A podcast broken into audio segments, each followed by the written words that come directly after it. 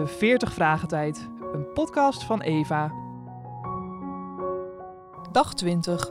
Wat heeft geloof met dankbaarheid te maken? We lezen Lucas 17, vers 1 tot en met 19.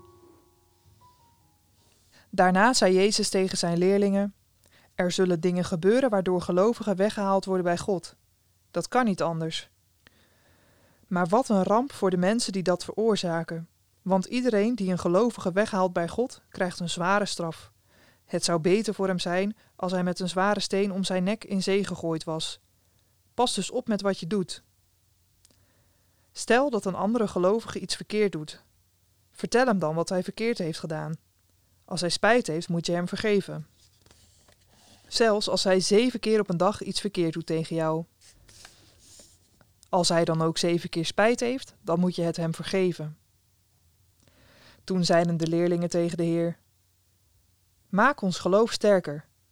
Maar de Heer zei: Zelfs als je geloof maar zo klein is als een mosterdzaadje, is alles mogelijk. Als je dan tegen een boom zegt: Trek je wortels uit de grond en ga in zee staan, dan doet hij dat. Stel dat je een slaaf hebt. Hij werkt op het land en past op je schapen. Maar als hij s'avonds thuis komt, zeg je niet tegen hem: Ga lekker zitten, het eten staat klaar. Nee, je zegt tegen hem: Doe een schort voor, maak mijn eten klaar en breng het mij. Als ik klaar ben, dan kun jij eten. Niemand bedankt zijn slaaf omdat hij zijn werk doet. Voor jullie geldt hetzelfde. Als jullie alles hebben gedaan wat God van je vraagt, zeg dan: Wij zijn maar eenvoudige slaven. We doen gewoon ons werk. Op weg naar Jeruzalem reisde Jezus door Samaria en Galilea. Toen hij een dorp binnenging, kwamen er tien mensen met een huidziekte naar hem toe. Ze bleven op een afstand staan. Ze riepen naar Jezus: Meester, heb medelijden met ons. Toen Jezus hen zag, zei hij: Ga naar een priester. Dan kan hij vaststellen dat jullie gezond zijn. Ze deden wat Jezus zei, en onderweg werden ze gezond. Een van de tien ging terug naar Jezus. Hij zong en juichte voor God, omdat hij weer gezond was. Hij dankte God. Iedereen kon hem horen. En hij knielde voor Jezus om hem te bedanken. De man was geen Jood, maar kwam uit Samaria. Jezus zei tegen hem: Er zijn toch tien mensen beter gemaakt? Waar zijn de andere negen? Jij komt als enige terug om God te eren. En je bent niet eens een Jood? Toen zei hij tegen de man: Sta op en ga naar huis. Je bent gered dankzij je geloof.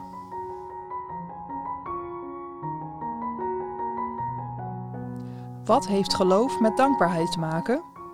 Het antwoord. Hier leren we over twee begrippen: geloof en dankbaarheid. De discipelen vragen: Vermeerder ons het geloof. En Jezus antwoordt: Als u een geloof had als een mosterdzaadje, zou u tegen de moerbijboom zeggen: Word onderworpen en in zee geplant. En hij zou u gehoorzamen. Het kleinste geloof kan al het grootste wonder tot stand brengen. Het gaat hier niet om het zaligmakend geloof, maar om het dagelijks vertrouwen in God dat een echt volgeling van Jezus moet kenmerken.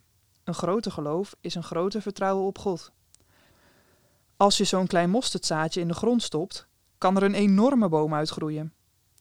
Geloof is niet prestatie van jezelf, maar is vertrouwen op Gods prestatie. Hoe minder we van onszelf verwachten en hoe meer van God, des te groter de dingen die Hij in ons leven doet. Tot zelfs het verplaatsen van figuurlijke bergen en moerbijbomen aan toe. We hoeven onszelf niet op te draaien tot een groot geloof. We hoeven alleen maar grote verwachtingen te hebben van God. Het eerste begrip, het geloof, gaat aan Gods wonderwerken vooraf. Het tweede, de dankbaarheid, volgt erop. Jezus is hier nog steeds vastbesloten op weg naar Jeruzalem. Hij verliest zijn grote doel geen moment uit het oog. Tien Melaatse mannen die grote verwachtingen van hem hadden, kwamen op hem af. Zij smeekten hem om ontferming, oftewel, ze wilden genezen worden. Dat gebeurde niet meteen. Jezus vroeg een geloofsdaad van hem. Toon u zelf aan de priesters. Dat deden zij. Ze hadden blijkbaar een zekere mate van geloof. Maar ook de dankbaarheid hoort tot het normale geloofsleven. Hoe kan een mens genezing van God ontvangen en dan gewoon zijn weg vervolgen alsof er niets gebeurd is? Waar is de lofprijzing aan God en de dankbaarheid aan Jezus? Slechts één van de tien bracht dat op. En dat was nota bene een Samaritaan, een door de Joden verachte vreemdeling. Jezus zegt tegen hem: Uw geloof heeft u behouden. Wat heeft dat voor de andere negen betekend? Hebben die hun genezing kunnen vasthouden? Als een genezen mens geen godlover wordt, wat blijft er dan van zijn hostel over? Jood betekent godlover. Maar geen van de negen genezen Melaatsen maakte zijn volksnaam waar, behalve deze ene, die niet eens een Jood was. Hij wierp zich met het gezicht ter aarde voor de voeten van Jezus. Een betere plek is er in heel Lucas niet te vinden.